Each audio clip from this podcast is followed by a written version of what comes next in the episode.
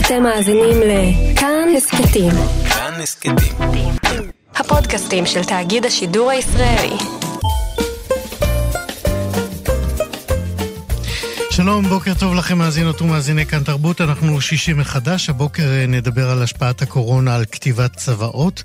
נדבר על אה, פיתוחים והמצאות של סטודנטים לשיפור חייהם של זקנות וזקנים. נדבר גם על מחקר חדש שהתקיים בישראל ובאירופה במקביל, ובדק את ההשלכות וההשפעות אה, של בדידות הזקנים בימי קורונה. גם נדבר על... מלנכוליה של אה, שכונות, שכונת התקווה בתל אביב, כפי שהיא נשקפת מעיניהן של אה, זקנות השכונה. אה, אנחנו כמובן נהיה גם עם מוסיקה ישראלית ותיקה מראשית הפופ הישראלי ככל שנספיק. בצוות הבוקר ענת שרון בלייס בעריכת משנה, אבי שמאי בהפקה. שרון לרנר הוא טכנאי השידור. אני איציק יושע איתכם עד 12. 60 החדש. אנחנו עכשיו עם המצאות שפותחו ממש אה, בימי קורונה ועשויות אה, להזניק את אה, איכות החיים של לא מעט זקנים. אנחנו, זה קרה ב... SCE, המכללה האקדמית על שם אה, סמי שמעון. אה, למרות אה, מגבלות הקורונה, סטודנטים להנדסת מכונות שם סיימו פרויקט שבמהלכו הם פיתחו וייצרו הליכון, כיסא גלגלים.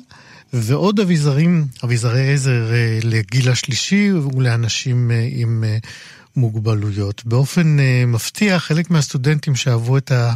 אני צוחק, שאהבו את ההשראה שלהם לפ... לפיתוחים האלה ממעקב צמוד אחרי הסבא והסבתא הפרטיים שלהם. וכדי uh, ממש להתענג על היצירתיות של הסטודנטים האלה, אנחנו זימנו עכשיו um, שלושה את הדוקטור אה, ניר טרבלסי, שהוא רכז הקורס ומרצה בכיר אה, במחלקה להנדסת מכונות, וגם את הסטודנטית אה, ימית סעדה, שפיתחה ידית מתכווננת שמתחברת להליכון, ועל ידה גם נמצא הסבא שלה, בנימין. אנחנו אומרים עכשיו בוקר טוב לשלושתכם. בוקר טוב.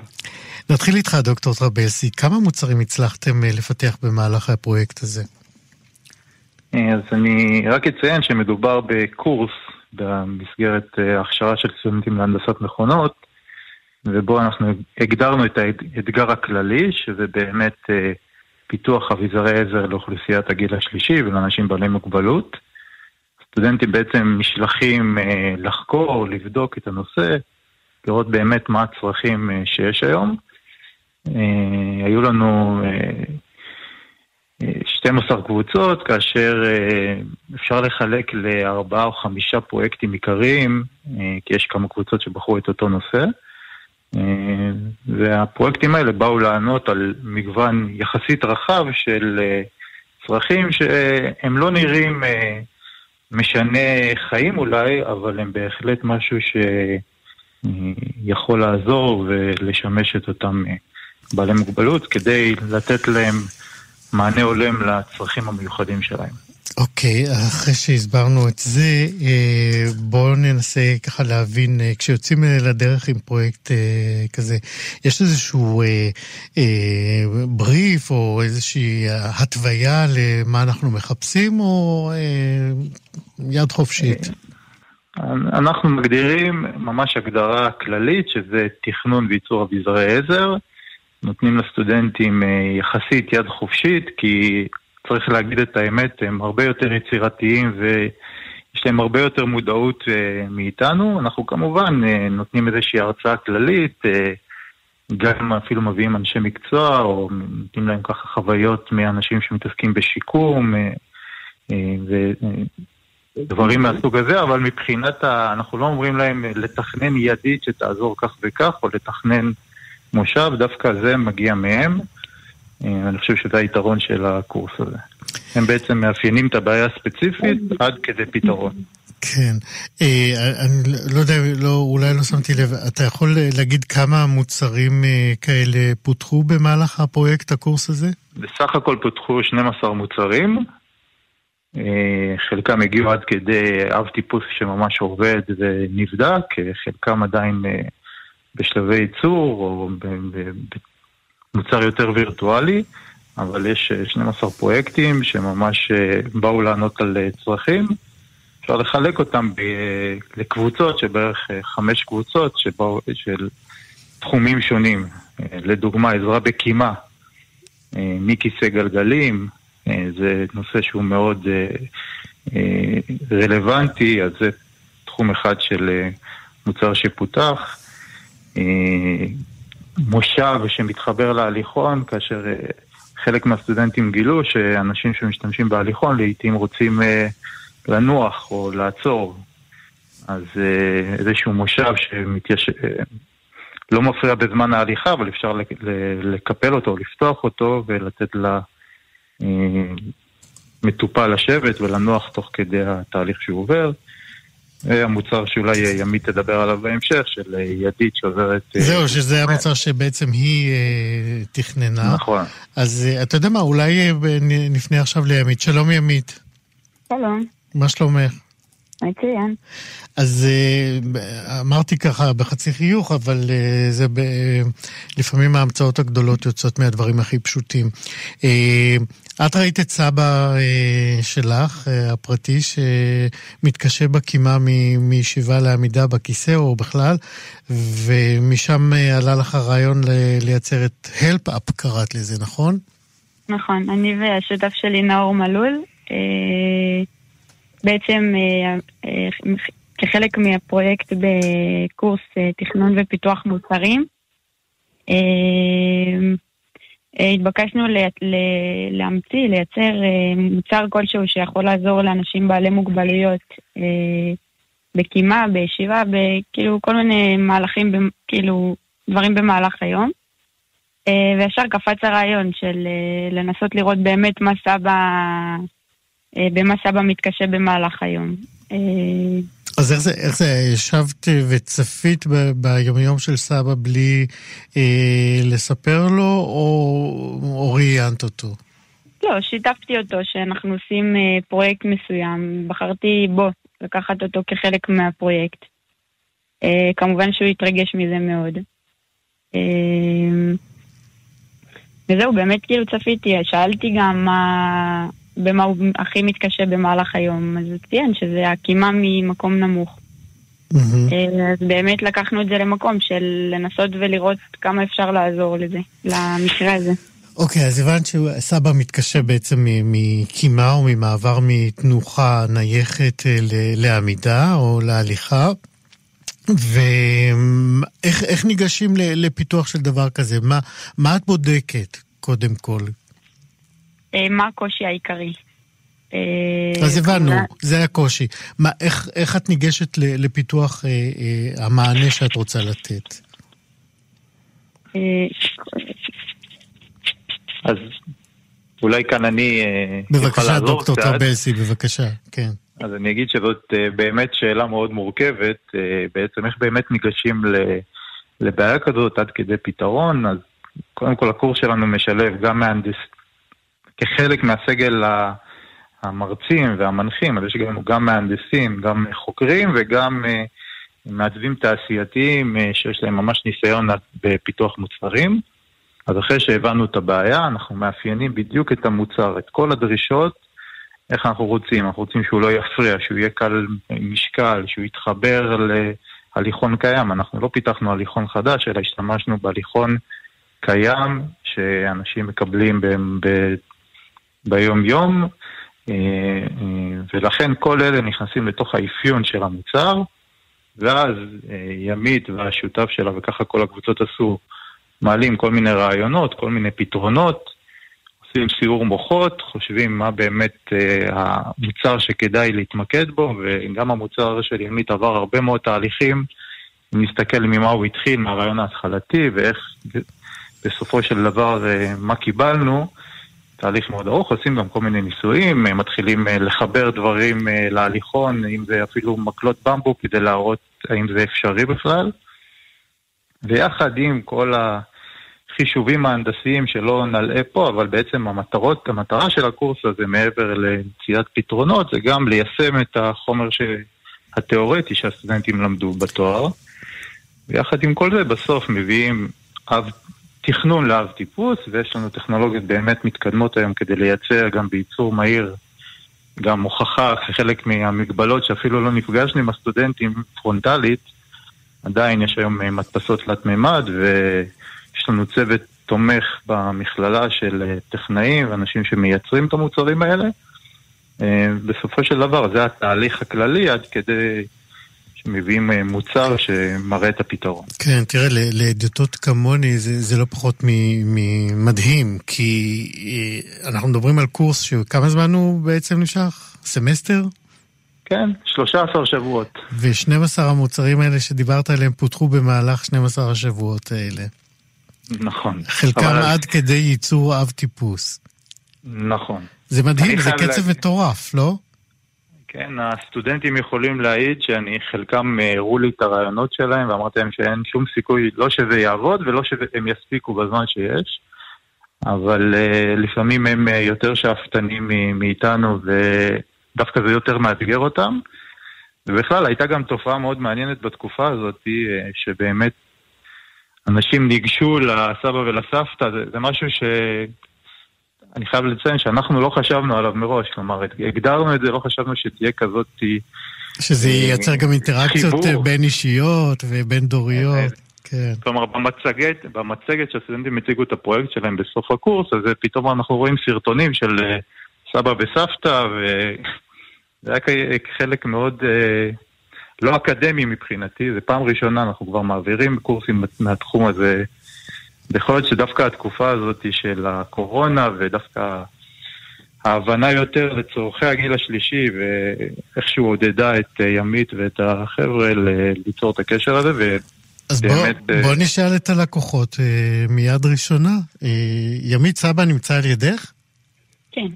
סבא בנימין. את יכולה להעביר אליו את הטלפון? לא שומע טוב, אני לא שומע טוב. סבא בנימין, אתה שומע אותי עכשיו? לא. אתה שומע אותו? אה, שומע.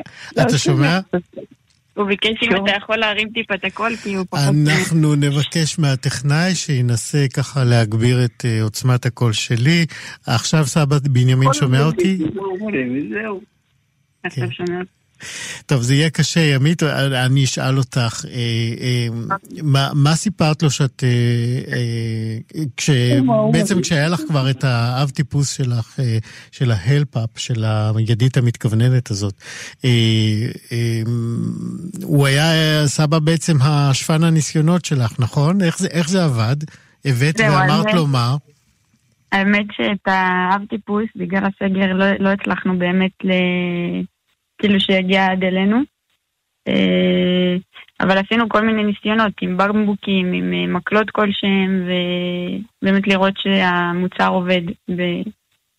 וסבא שיתף פעולה? כן, הוא מאוד התלהב מהרעיון. כן. אה, דוקטור טרבלסי, אני רוצה לשאול אותך, כש...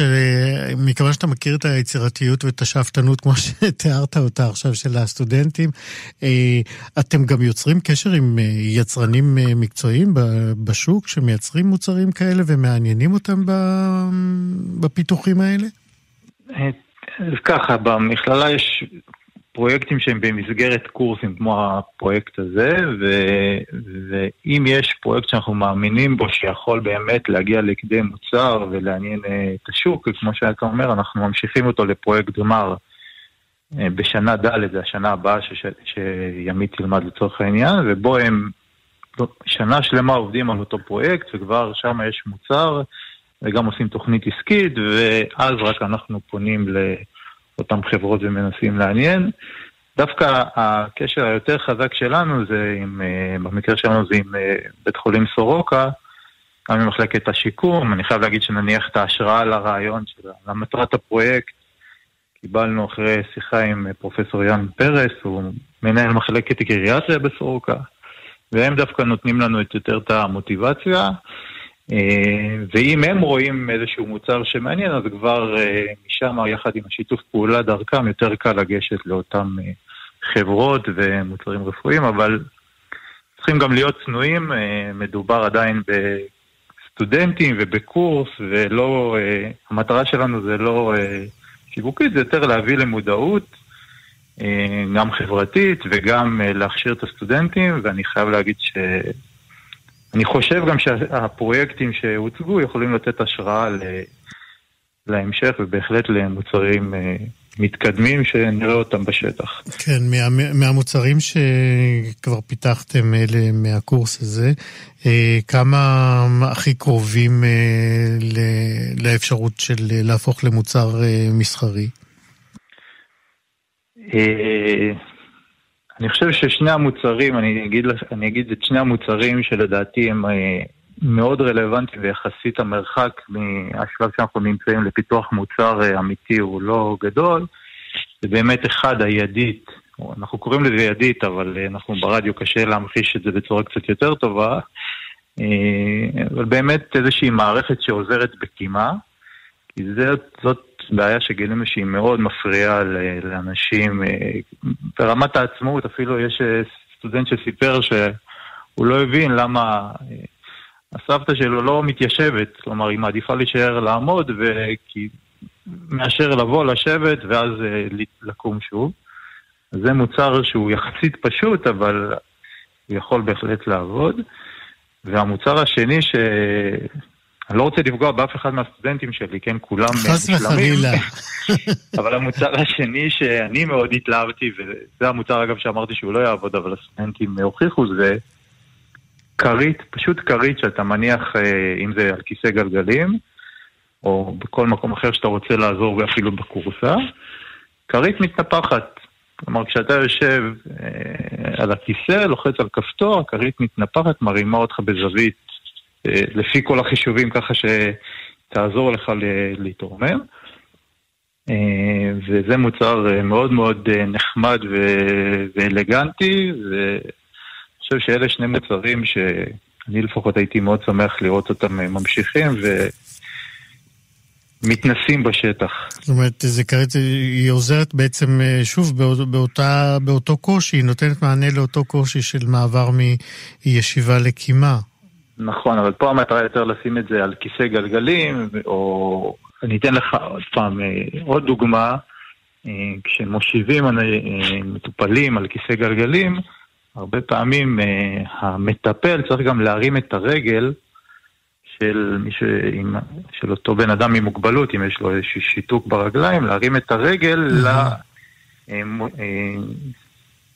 רגלית. למסעד של הרגלית, כן. ובתהליך הזה נראה אולי מאוד פשוט, אבל תחשוב, לפעמים מדובר על, אה, על אנשים שק, שקשה, או בכלל שהמטפלים עצמם הם מבוגרים. עם, אה, היום גם אה, ההורים שלי מטפלים בהורים שלהם לצורך העניין. אז המטרה של הכרית היא אפילו לעזור ברמה הזאת של ה-20 סנטימטר של הרגל, למושב הרגל, זה פתרון ש... טוב, אני לא חשבתי עליו, אבל אחרי הסקר של הסטודנטים, המטפלים אמרו שזה יכול לעזור להם מאוד ולשפר מאוד את, ה, את, ה, את הנוחות בעבודה, כי עוד פעם, להרים כל. פעם את הרגל למי שאין את הרגל. אכן אה, פרויקט וקורס אה, מעוררי אה, לא רק השראה, אלא ממש פיתוח מעשי. הדוקטור ניר טרביאלסי, ימית סעדה והסבא בנימין, תודה רבה לשלושתכם ובהצלחה עם הפיתוחים האחרים. תודה רבה. תודה רבה לך. להתראות. תודה.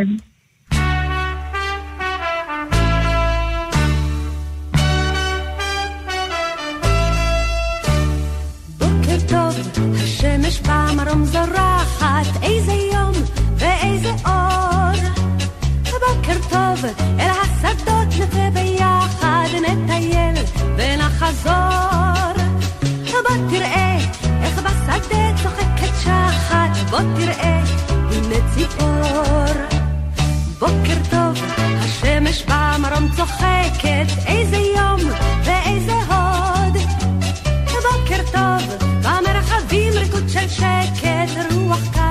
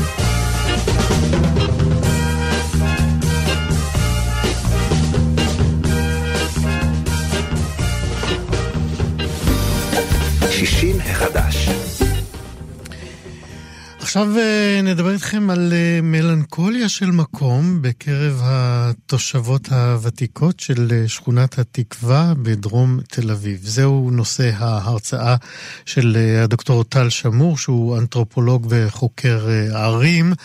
מהמחלקה לאנתרופולוגיה חברתית באוניברסיטת קיימברידג', וההרצאה הזאת תינתן במסגרת כינוס של האגודה הסוציולוגית הישראלית. הכינוס הזה יתקיים ב-8 בפברואר ובמשך אה, שלושה ימים אה, במכללה האקדמית ספיר שבנגב, ואנחנו אומרים עכשיו בוקר טוב לדוקטור טל שמור.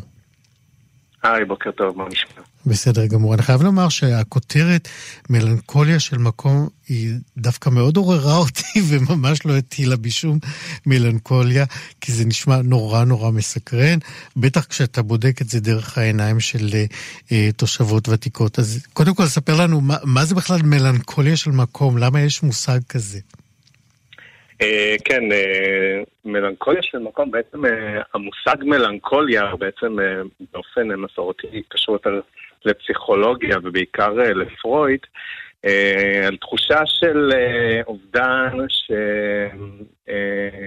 שאדם הוא לא השלים את. של האבל על איזשהו אובדן כלשהו בעקבות האובדן הזה יכול להיות אובדן של אדם, הוא יכול להיות אובדן של רעיון והוא גם יכול להיות אובדן אה, של מקום. אמ, ובהקשר של התושבים, או במיוחד התושבות של שכונת התקווה, אה, יש להם אה, שייכות מאוד גדולה לשכונה הזאת הרבה מאוד שנים, למרות שהשכונה הזאת היא שכונה אה, פגיעה, עם הרבה תושבים עניים, ולאורך השנים היה שם גם נושא של סמים ופשיעה. Uh, התושבים הם תמיד היו שם אחד בשביל השני והיה להם איזשהו חיבור למקום. והיום, עם ההשתנות של המקום, יש איזשהו אובדן בתחושת השייכות שלהם לשכונה, uh, שהשתנתה מאוד, במיוחד uh, בעשור האחרון, בעקבות ריבוי המהגרים מסודאן ומאריתריאה, ועבור התושבים הוותיקים, ההגעה של אותם מהגרים, דווקא לשכונת להם, זה מבטא את הפגיעות שלהם. כלומר, השינוי העירוני הזה שהתחולל, הוא מדגיש בעצם את הפגיעות שלהם ואת המיקום הנמוך שלהם, אם תרצה, במרקם האתני והמעמדי פה בישראל. אה, אני רוצה להבין, אה, כשאתה אומר, כשאתה בא לדבר על מלנכוליה של מקום, זה, זה מושג שתקף גם למקומות אחרים, אה, שהם נגיד נכשלים? אה, זה יכול להיות, זה יכול לבטא גם אה, פגיעות של אה, אנשים בפריפריות אחרות. אני פיתחתי את המושג הזה ביחד לשכונת התקווה, אבל זה בהחלט יכול לבטא איזושהי תחושה שנוצרת אה, אצל אה, תושבים ותיקים בעקבות השינוי הדרמטי במקום ה... מגורים שלהם, שמבטא את הפגיעות או את השוליות האתנית והמעמדית שלהם. זאת אומרת, אתה בחרת את שכונת התקווה, אבל יכולת לבחור באותה מידה, נגיד, אה, אני אומר, שכונת דורה, נגיד, בנתניה, או אה, שכונות אחרות בבאר שבע ש... כן, זאת אומרת, אני לא בחר... המושג הזה, זה לא... המושג הזה צמח בעקבות ההיכרות שלי עם שכונת התקווה, אבל הוא בהחלט יכול לשמש גם חוקרים לבטא תהליכים דומים שמתרחשים בשכונות אחרות. עכשיו, אני רק רוצה להגיד משהו, כי בכל זאת ה, אה, יש פה איזשהו מיקוד נוסף בקרב התושבות הוותיקות, וביחס לתושבים המבוגרים, שמעבר להשתנות של השכונה, אה, רובד נוסף של המלנכוליה הזאת זה בגלל, הוא נוצר בעקבות האתגרים של הבריאות שלהם והמציאות החיים האמביוולנטית בשכונה. במיוחד לאור הזיכרונות שלהם, כי יש להם היסטוריה מאוד מאוד ארוכה מהשכונה, ובעצם הזהות שלהם מאוד מאוד קשורה לזהות של המקום ומעט. אז בואו באמת אה, ככה ננסה לצלול לתהליך של המחקר הזה, של ההרצאה. אה, אתה מן הסתם פגשת אה, נשים ותיקות, אגב, למה רק נשים? לא, לא, לא פגשתי רק נשים. בעצם אוקיי. הנושא של ההרצאה פה... אה, הוא מתמקד בנשים המבוגרות, אבל המחקר שלי באופן כללי הוא כלל פגישה עם כלל התושבים בשכונת התקווה, כשהטענה הכללית שלי שכן יש איזושהי תחושה מלנכולית ששורה אה, מעל השכונה בעקבות ההשתנות שלה, בעקבות המצב הנוכחי של התושבים. כן, אבל ההרצאה שלך היא בכל זאת על התושבות הוותיקות. נכון. מה הם סיפרו לך? קודם כל, כשניגשת אליהם בכלל, אה, איך הם הגיבו לזה שזה בכלל מעניין אותך? אחד, ה... אני אנתרופולוג, מה שאנתרופולוגים עושים זה תצפית משתתפת, זאת אומרת שהם פעמים רבות הם עוברים לגור במקום שאותו הם חוקרים, ומתנדבים, הם בעצם משקעים את החיים שלהם בחיים של המקום. אז מעבר להיכרות, לפני ההיכרות המעמיקה שלי עם אנשים, הם לאט לאט למדנו להכיר אחד את השני לאורך המחקר שערך כשלוש וחצי שנים. אה, ובמסגרתו התנדבתי בבית הקשישות המקומי. ושמעתי ככה יותר על השיחות שלהם, על הלך הרוח, אני הבנתי את הפגיעות שלהם בעקבות הגיל, האתגרים של הגיל, האתגרים של הבדידות, ואחד הדברים שרציתי לעשות זה לשמוע יותר לעומק את הסיפור שלהם, ואני הקמתי קבוצת סיפורי חיים. אה, אתה נקטעת, דוקטור אה, שמור, כן. איזה קבוצה הקמת? קבוצת סיפורי חיים. שבמהלכה נפגשנו במשך אה, שמונה חודשים כל שבוע, אה, כשהם סיפרו לי על החיים שלהם והקשר שלהם למקום. אה, ובמהלך הקבוצה הזאת עלו כל מיני נושאים, א', שקשורים לביוגרפיה שלהם, כנשים שמזרחיות, שהם חיו בשוליים של החברה, הם הרבה פעמים נישאו בנישואי שידוך. רובן יוצאות תימן, נכון? אה, רוב אלה שהשתתפו אה, בקבוצה הם יוצאות תימן, אבל בשכונה יש גם אה, יוצאות פרס ועיראק, וגם חלקם גם כן השתתפו בקבוצה. הם, הם אלו שמרכיבים את התמהיל האתני שמרכיב את שכונת התקווה, התושבים הוותיקים. Mm-hmm. אז הם התחתנו בפערים מאוד מאוד גדולים עם הבעלים שלהם, חוו כל מיני סוגים של פגיעות לאורך החיים שלהם. הם חיו בעוני, הם אה, עבדו מאוד מאוד קשה בעבודות פיזיות, הם גם חוו כל מיני פגיעות במפגש שלהם עם פקידי הממשל, וזה בא בביטוי הכי חזק, אני חושב, בפרשת אה, חטופי תימן, שחלקן אה, בעצם הילדים שלהם נלקחו מהם, mm-hmm. או שהם שמעו על מקרים דומים, וזה נותר פצע מדמם בחיים שלהם ובחיים של הקהילה באופן כללי. ועד היום, עד מה שקורה היום בעצם, שהם סיפרו לי על הפגיעות של הגיל שלהם, בדידות, כן, אם הם התחתנו בפערים כל כך משמעותיים מהבעלים שלהם, אז אתה יכול להניח שהבעלים נפטרו והם נותרו לבד בבית. הילדים הרבה פעמים פרחו מהקר, mm-hmm.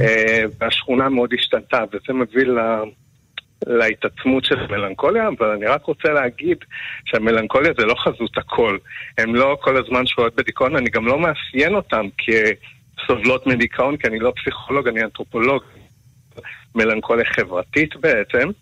אה, ואני רוצה גם להגיד שהן תומכות מאוד אחת בשנייה, ויש מאוד חשיבות לבית הקשישות הזה אה, אה, בזהות שלהם, בחיי היום-יום שלהם.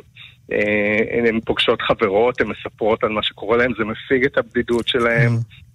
אה, אז יש פה גם לך, אלמנטים של תמיכה. כן, לך כחוקר, אה, דוקטור טל שמור, היו פערי שפה? זאת אומרת, הן שולטות לגמרי בעברית? כן, הן שולטות לגמרי בעברית, דיברתי איתן בעברית, מדי פעם הן...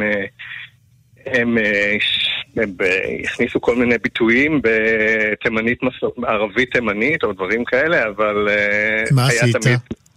אה, אה, זה היה די נדיר, וא', הרבה פעמים הבנתי מה ההקשר, או שאחת הנשים האחרות תרגמה לי, אבל באופן כללי לא היו פערי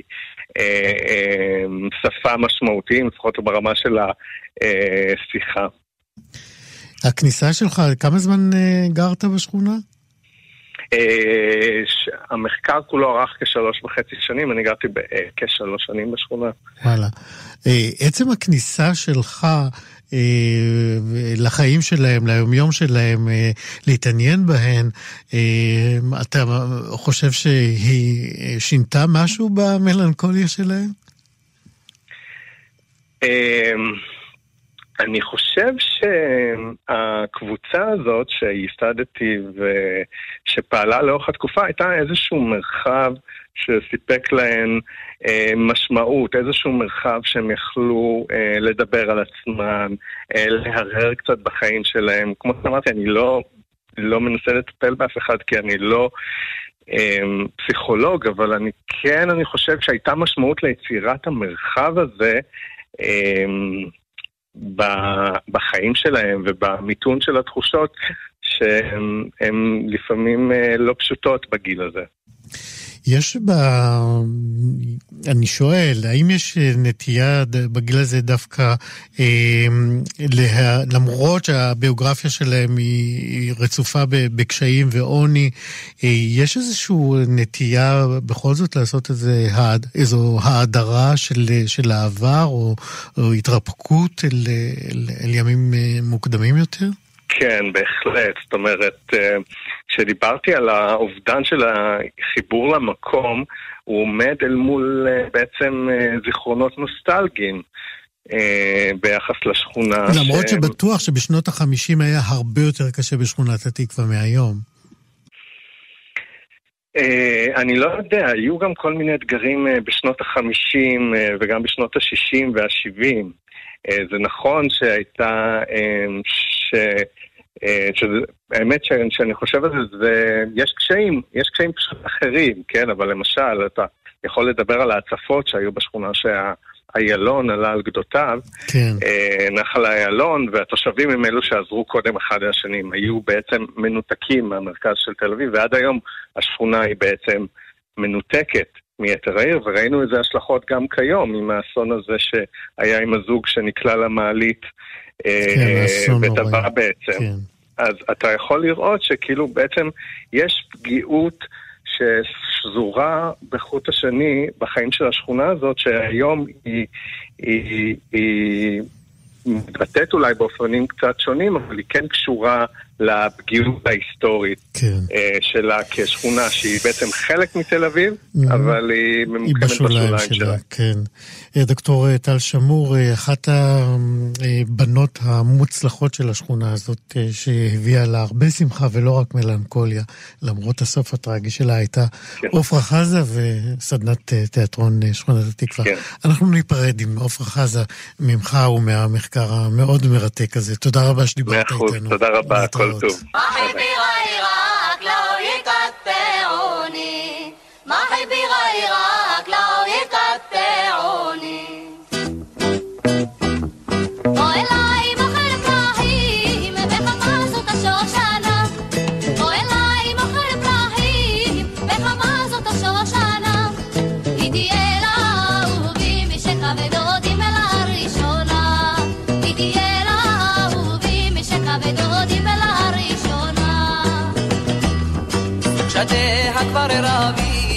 מסתודדים אלי ברוח, שדיה כבר רבים, מסתודדים אלי ברוח. הנח ידך הקמה שלי, ועזור לה לשכוח. הנח ידך הקמה שלי, ועזור לה לשכוח.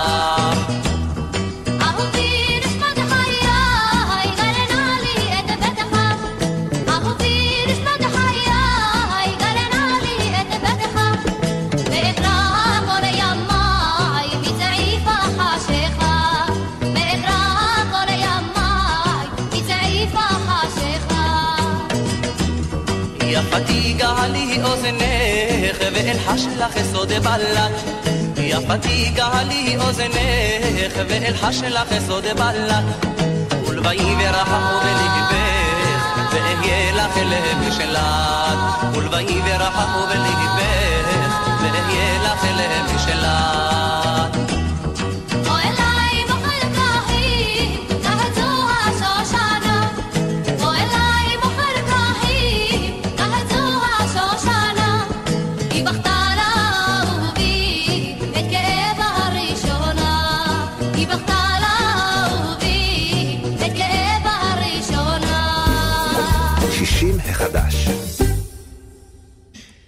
רבות אה, דובר אה, על ההשפעות ההרסניות של, אה, על בריאותם הגופנית והנפשית של הזקנים, אותם אלה שהיו מבודדים בימי הקורונה, ועכשיו אנחנו רוצים ככה להרחיב את השיח על זה ולהיאחז גם במחקר. מדובר בשיתוף פעולה בין ישראל לשש מדינות חברות באיחוד האירופי, צ'כיה, נורבגיה, שוודיה, אוסטריה, ספרד וגם אירלנד. המחקר הזה בא לבדוק השפעות של אה, מעברי חיים על אוכלוסיות מודרות אה, בגיל הזקנה, קצת מתחבר לשיחה הקודמת שלנו. הדוקטור סיגל נעים היא גרונטולוגית שמתמחה בטכנולוגיה בזקנה ובאיכות חיים בזקנה. היא גם מרצה בחוג לשירותי אנוש במכללה האקדמית עמק יזרעאל, והיא גם שותפה בגופי מחקר אקדמיים נוספים, והיא עכשיו אורחת שלנו כדי לדבר על המחקר החדש. שלום דוקטור נעים. שלום רב. קודם כל, אה, איך אה, קרה שדווקא שש המדינות האלה מכל מדינות האיחוד, בשאר האיחוד לא מתעניינים בזקנים? לא, זה לא, זה לא ככה. בדרך כלל, אה, אה, כמו כל בני אדם, לחוקרים יש נטייה לעבוד עם אנשים שהם מכירים לפני כן, שיצא להם לעבוד איתם, שנעים להם לעבוד איתם. אני סתם הייתי קנטרני, זה... כן. אה, אבל הנה, זה עובד, זה נותן תוצאות יפות עד עכשיו, בינתיים. אוקיי, אז אה, אה, קודם כל, מי הם הזקנים המודרים לפי תפיסת המחקר שלכם? זאת אומרת, על איזה קבוצות אנחנו מדברים? אז בואו נתחיל מזה שקבוצת הזקנים באופן כללי, אה, עד אה, לתקופת הקורונה, ובטח בתקופת הקורונה, היא אוכלוסייה מודרת בפני עצמה. נכון. כלומר, מי ספר את הזקנים לפני זה? עכשיו אה, הם עלו על ראש שמחתנו, כי צריך לשמור עליהם ולהגן עליהם. אז זאת אוכלוסייה אחת בפני עצמה. בתוך קבוצת הזקנים יש לנו גם uh, תת-אוכלוסיות, למשל uh, בני מיעוטים, uh, אם ניקח את אוכלוסיית הערבים. או את הקהילה האתיופית. אמ, אם ניקח אנשים שמגיעים ממעמד אה, סוציו-אקונומי יותר נמוך, אנשים שאין להם כסף, אה, שלא לומר עניים. שורדי שואה? אה, שורדי שואה, שזאת אוכלוסייה שהיא ייחודית לישראל, ביחס למחקר, לגמרי. מעבר לזה, עוד אוכלוסיות שהמחקר באופן ספציפי מתייחס אליהן, זה לקהילת הלהט"ב. הזקנים שבהם. הזקנים שבהם, כן. אמ, והיום, ביחס לקורונה, כשהגשנו את המחקר וזכינו, לא חשבנו שזה מה שיקרה, אבל ביחס לקורונה, אה, אנחנו מסתכלים גם על אוכלוסייה שהיא פשוט אין לה נגישות לטכנולוגיה. תחשוב על זה שאנשים יושבים בבית, מבודדים, אנשים זקנים. ואין להם... באמת בהקשר הזה רציתי לשאול, איך זה השפיע על המחקר שלכם? העובדה שבאמת רוב אה, האנשים והנשים בקבוצות האלה הם אה, מאותגרים אה, דיגיטלית. אמ, האמת היא ש, שזה השפיע והשפיע מאוד, ואני ככה מהססת, אבל אה, אה, תכף אני אסביר למה ההיסוס. אוקיי. אה, קודם כל, אה, מטבע הדברים, ההתמחות שלי היא בתחום הטכנולוגיה, אז באמת אה, אנשים מבוגרים עוסקים או, או מתעסקים פחות בטכנולוגיה. זה לא אומר שהם לא מתעסקים בכלל. אל תשכח שהאנשים המבוגרים היום כבר נגעו בטכנולוגיה כשהיו יותר צעירים. עדיין ההתפתחות הטכנולוגית היא סוג של מרתון, אנחנו לא תמיד עוקבים אחרי מה שהילדים שלנו עושים ואחרי מה שהנכדים של האנשים הזקנים עושים. לא מצליחים לעקוב אחרי זה. אז כשהתחילה הקורונה אז התחיל כל סיפור הזום. אמ, ו- ולא תמיד אנשים אה, היה להם את המחשב או, או את היכולת להתקין את התוכנה הזאת בטלפון הנייד, וגם אם הצליחו לעשות את זה, לא תמיד הצליחו לתפעל את זה בהצלחה. עכשיו, למה היססתי קודם? Mm-hmm. כי כיוון שהמחקר הוא מחקר משווה בין שבע מדינות, אז כבר עכשיו אנחנו רואים ש... היינו צריכים לעבור לרעיונות, מרעיונות פנים אל פנים לרעיונות באמצעים טכנולוגיים, אם רצינו להמשיך ולעמוד בדדליין של המחקר. ואנחנו רואים שבישראל, לא במפתיע, דווקא האנשים המבוגרים העדיפו שנבוא לראיין אותם פנים אל פנים, כמובן תוך הקפדה על uh, ריחוק חברתי, מסכות, וכמובן לא בסגרים. אז זאת אומרת, זו אה, ממש הייתה אה, אה, אופציה שהעמדתם בפני הנחקרים גם בארצות באירופה? האם כן. לבוא לדבר איתכם פנים אל פנים או בזום? כן, זאת הייתה המתודולוגיה הראשונה שלנו, mm-hmm. שככה הפגשנו את הצעת המחקר, והמטרה הייתה באמת להגיע לאנשים ולראיין אותם. Mm-hmm. ואז התחילה הקורונה, כמו שאומרים בכל המקומות, ולא יכולנו להגיע. ו... ובאופן מפתיע בישראל, אמ, כל האנשים, בלי יוצא מן הכלל, לא הסכימו שנראיין אותם בטלפון או בזום. אה, תחשוב גם שאנחנו מדברים על אוכלוסיות מודרות, לרובן אין זום. אבל כשאנחנו מסתכלים על מדינות אמרת, אחרות... לא רצו לא בטלפון ולא בזום, אלא רק פנים אל פנים. רק, על פנים, אל, רק פנים אל פנים, וכך זה אכן נעשה בישראל, כמובן תוך הקפדה. ו, ובמדינות אחרות, אה, למשל, אם ניקח את אירלנד, שם לא הסכימו שיגיעו פנים אל פנים לראיין, זה כמובן מדינה שהמרחקים קצת יותר גדולים, אבל אה, שם זה נעשה בטלפון ובדואר. אה, אנשים שלחו את שאלוני המחקר בדואר, אבל אה, הרעיונות היו בטלפון. ולמשל, אה, בספרד ובנורבגיה, אנשים ביקשו להתראיין אך ורק בזום. לא הסכימו שיגיעו אליהם פנים אל פנים. כלומר, אנחנו רואים גם פה הבדלים בהגדרה של ההדרה כן. אצל הזקנים. אנחנו יודעים גם שהדינמיקה של הקורונה אה, השתנתה או שונה, או זה, אנחנו עדיין בתוך זה, זה לא לשון עבר. אה, אה, היא, היא מאוד שונה ממקום למקום. אין הרי איטליה כהרי אה, אה, ספרד או, או ישראל או, או צ'כיה או שוודיה. איך, איך זה השפיע על המחקר שלכם? אה, אז בהקשר הזה, לשמחתנו, אה, ישראל מאוד שונה מהמדינות האחרות, אה, כי אנחנו, קודם כל, כשהיינו עושים את שיחות החוקרים, ואנחנו עדיין עושים אותם פעם בשבועיים, אז, אז ישראל תמיד מובילה בטרנד, מה שנקרא, במגמה. אז אנחנו נכנסנו ראשונים לסגרים וגם ראשונים יצאנו מהם, ו, ואנחנו גם ראשונים שמתחסנים. וכפועל יוצא מזה, אז אנחנו גם הראשונים שמש... בין הראשונים שמשלימים את איסוף הנתונים. אמ, אז, אז אפשר להגיד שהקורונה, לפחות בהיבט הזה, אה, התנה... השפיעה אחרת על המחקר בישראל. אה, היא יותר זירזה אותנו ופחות עיכבה אותנו במחקר. אה, בהיבטים אחרים, לצערנו, הקורונה מתנהגת בדיוק כמו שהיא מתנהגת בשאר המדינות. אה, כלומר, בהשפעות שלה על אוכלוסיית הזקנים אומרת- בכל ההיבטים. זאת אומרת, בעצם אה, המחקר הזה הוא מתמשך, הוא לא הסתיים. לא, המחקר לא הסתיים, המחקר, חלק אחד שלו, החלק של ניתוח נתונים סטטיסטי על בסיס מסד נתונים שכבר נאסף לפני כמה שנים, שנקרא share, אה, הוא כבר הסתיים, והחלק של הרעיונות, החלק האיכותני, קיבלנו הערכה, הוא אמור היה כבר להסתיים, ולאור הסיפור של הסגרים בכל המדינות שמשתתפות, אה, הוא עדיין נמשך. אז הנה- הוא כמעט מסתיים. כן, אז הנה יש לך אה, מכאן אה, הזמנה פתוחה לבוא אלינו שוב עם התוצאות של החלק הזה של המחקר. הדוקטור תודה. סיגל נעים, תודה רבה שדיברת איתנו. תודה לכם. להתראות. להתראות.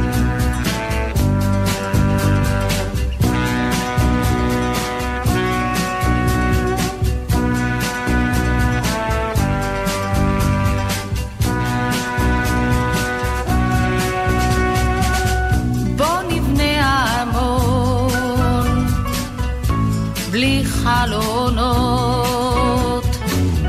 בוא נבנה ארמון לזיכרונות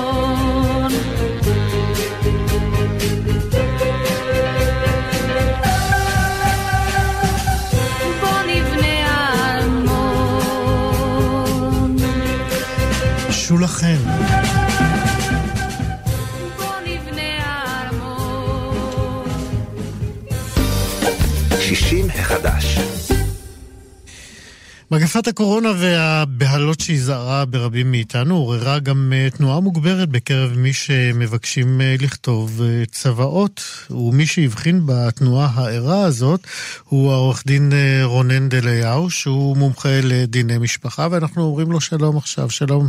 שלום וברכה. תגיד, כמה בני 60 פלוס פנו אליך בחודשים האחרונים? לא מעט. באמת? איך הם הסבירו את זה? איזה, איזה בהלה נפלה עליהם?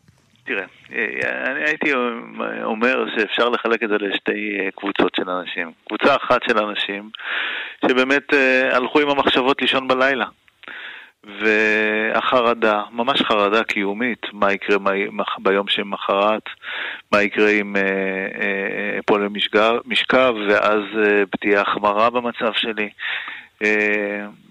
דחיתי את התוכניות של צבא, אז אולי זה הזמן. בסופו של דבר הקורונה והנסיבות של הקורונה הביאו את עצמי, אותנו לחשוב על כל מיני uh, נסיבות שאנחנו לא חושבים עליהן ביום-יום. תן לי דוגמה. לחרדות או חששות שעלו אה, והובאו בפניך על ידי אה, לקוחות. למשל, הגיע אליי אה, אדם ש... לא בגיל מאוד uh, מבוגר, ממש לא, גיל 67. Uh, התאלמן לפני כמה צעיר, שנים. צעיר, כן, קוראים לזה. כן, כן. התאלמן uh, לפני כמה שנים מאשתו. האמת שהילדים לא אמרו לו דבר וחצי דבר לעשות צבא, אבל הוא ככה מאזין קבוע של... לטלוויזיה ולרדיו, והוא פתאום אמר, תראה, אני חשבתי בשלב מסוים לעשות צבא, ועכשיו זה חידד לי את, ה, את הצורך, אני לא יודע מה יהיה מחר, ואם אחלה, ואם uh, פשוט uh, תהיה החמרה במצב שלי, וזה אדם בריא, וכמו שאתה אומר, צעיר לחלוטין. אז, uh, והוא באמת נדרש לסוגיה, ועשינו לו, אבל הוא לא היחידי, היו הרבה מאוד מקרים נוספים של אנשים ש... זו הייתה הסיטואציה, הקורונה הביאה אותם לעשות צוואה, כי הם חשבו שיכולות להיות נסיבות שהם... אה, יגרמו להם בסופו של דבר לאיזה חולי חס ושלום ואחר כך לפטירה. אז זהו, זה לא רק החשש מפני מוות אפשרי, אלא אה, חשש מפני פגיעה ב, אה, ב, בחופש ובעצמאות שלהם. זאת אומרת, הם חוששים מלהפוך סיעודיים או נכון, מוגבלים, נכון. ואז ב, לא בהכרח מדובר בצבא, אלא נכון. בהליך אחר. אז אכן אתה צודק, אנחנו, הוא צריך להסביר שצוואה נכנסת לתוקפה רק כשאדם הולך לעולמו. אבל אה, אם אדם חלילה נמצא אה, במצב שהוא בחיים, אבל איננו יכול לקבל החלטות לגבי עצמו, אם זה החלטות רכושיות או החלטות אה, גופניות כאלה ואחרות, יש מכשיר משפטי אחר שנקרא ייפוי כוח מתמשך. שהייפוי כוח המתמשך היום מאפשר בעצם לאדם שהוא צלול, שהוא כשיר, לקבוע מה יקרה במצבים כאלה, שאדם באמת אה, לא יכול לקבל החלטות על עצמו. והוא מאפשר לנו להורות בעצם שבנושאים הרכושיים תהיינה התנהלות כזו או אחרת, או לייפות את כוחו של אדם כזה אחר מבני המשפחה או בעל מקצוע. זהו, אני, אני רוצה לשאול אותך בהקשר הזה, האם תמיד צריך אה, לייפות את כוחו של מישהו, או מספיק שהאדם קובע עיקרים של איך לטפל בו במצב שבו הוא לא יכול לקבל החלטות? זה יכול, אפשר גם וגם. יש אנשים שמעדיפים להשאיר את זה ברמה כוללנית, כלומר, לכתוב במסגרת הייפוי כוח, אני רוצה ללכת לבית אבות, או אחד אומר, אני לא רוצה בשום פנים ואופן ללכת לאיזושהי אה, מסגרת סיעודית, רוצה להיות עם מטפל או מטפלת בבית. ולעומת זאת, יש אנשים שרוצים להסדיר את הדברים בצורה מסודרת, למשל, בחשבונות כאלה וכאלה אני מייפה את כוחו של פלוני, ובטיפול כזה וכזה אני מבקש רופא מסוים ספציפי. כלומר, יש, וזה מכשיר מצוין שנכנס לתוקף אה, בשנים האחרונות, זה לא היה לנו לנו קודם. כי קודם כשאדם נכנס למצבים האלה, שהוא בלבול וחוסר יכולת לקבל החלטות לגבי עצמו, גופו ורכושו, הייתה... לא, לא, לא המדינה, היינו פשוט צריכים להגיש בקשה, אחד מבני המשפחה, או מישהו שהוא צד מעוניין. אה, לאפוטרופסות. אה, בדיוק, היה מגיש בקשה למינוי אפוטרופסות, ואז היו מתחילים אה, מלחמת הירושה שעוד לא ניצתה, הייתה ניצתת כבר בשלב הזה, כל אחד היה מושך לכיוון אחר, ובסופו של דבר אם יש מריבות, גם היו מתמנים אנשים ניטרלים, שהם בהחלט אה, לא תמיד אה, מתוך המשפחה, אם זה עורכי דין או אנשי מקצוע אחרים שימנו, ינהלו את הרכוש. פה כן, לא. אדם באמת בעצם יכול אה, לקבוע מראש מי הוא רוצה שיקבל החלטות גם על גופו וגם על רכושו, שזה מבורך מאוד. כן. אני, יש לנו עוד שתי דקות, אני רוצה להספיק אה, לדבר איתך גם על אה, אותו מקרה של בני זוג, אה, בני 60, שביקשו לעשות צוואה הדדית דווקא עכשיו. אה, איך הם הסבירו את זה? קודם כל תסביר מה זה צוואה הדדית בחצי דקה ואחרי זה תגיד בחצי למה. דקה באמת, באופן כללי, זה, זה מסמך ששני הצדדים, כל אחד מבני הזוג מעביר את, את הרכוש לאחר 120 שלו לבן הזוג האחר, ואם רוצים, גם אחר כך ליורש אחר יורש, כלומר לילדים או לאנשים אחרים שיקבלו את רכושם. כלומר, הם מסדירים באופן הדדי, צוואה הדדית זה סוג של הסכם גם, מה יקרה אחרי 120 של שני בני הזוג. אה, עכשיו, אה, ההסבר אה, במקרה, אה, במקרים כאלה זה בעצם אנחנו רוצים לוודא שאחד מאיתנו הולך לעולמו קודם, הוא באמת, הרכוש שנצבר במהלך החיים המשותפים באמת ילך לפי הסכמה משותפת שלנו בתוך הצוואה ההדדית. אה, זה בעצם לכבול אחד את השני, אבל הרבה רבים רוצים לכבול אותם. אה, במקרים כאלה, יש מקרים שאחד מבני הזוג אחר כך פותח זוגיות אה, נוספת, או נקשר לאדם אחר, ואז בני הזוג אומרים, גם אם זה יקרה, אנחנו עדיין רוצים לנתב את הרכוש לאנשים שאנחנו ביחד קבענו, שאנחנו אוהבים. זאת אומרת, בן הזוג שנשאר אחרי זה שמת לא יכול לשנות את אה, הצוואה של בן הזוג שמת. הוא יכול רק בתנאים מסוימים. כלומר, אם הוא מחזיר באופן עקרוני את מה שהוא קיבל מבן הזוג שנפטר, לתוך העיזבון שלו, אז הוא יכול לעשות צוואה חדשה, אבל רק על החלק שלו. ו- והחלק שיתקבל מבן הזוג שהלך לעולמו, ילך לפי הצוואה המקורית. כן, טוב, יש לנו עוד שאלות בזה, אבל אה, אתה יודע מה, אנחנו נקבע שיחה נוספת גם על זה. תודה רבה לך בשמחה. בינתיים, עורך דין אה, לך. רון הנדל אליהו. תודה, תודה לך, כל להתראות. טוב.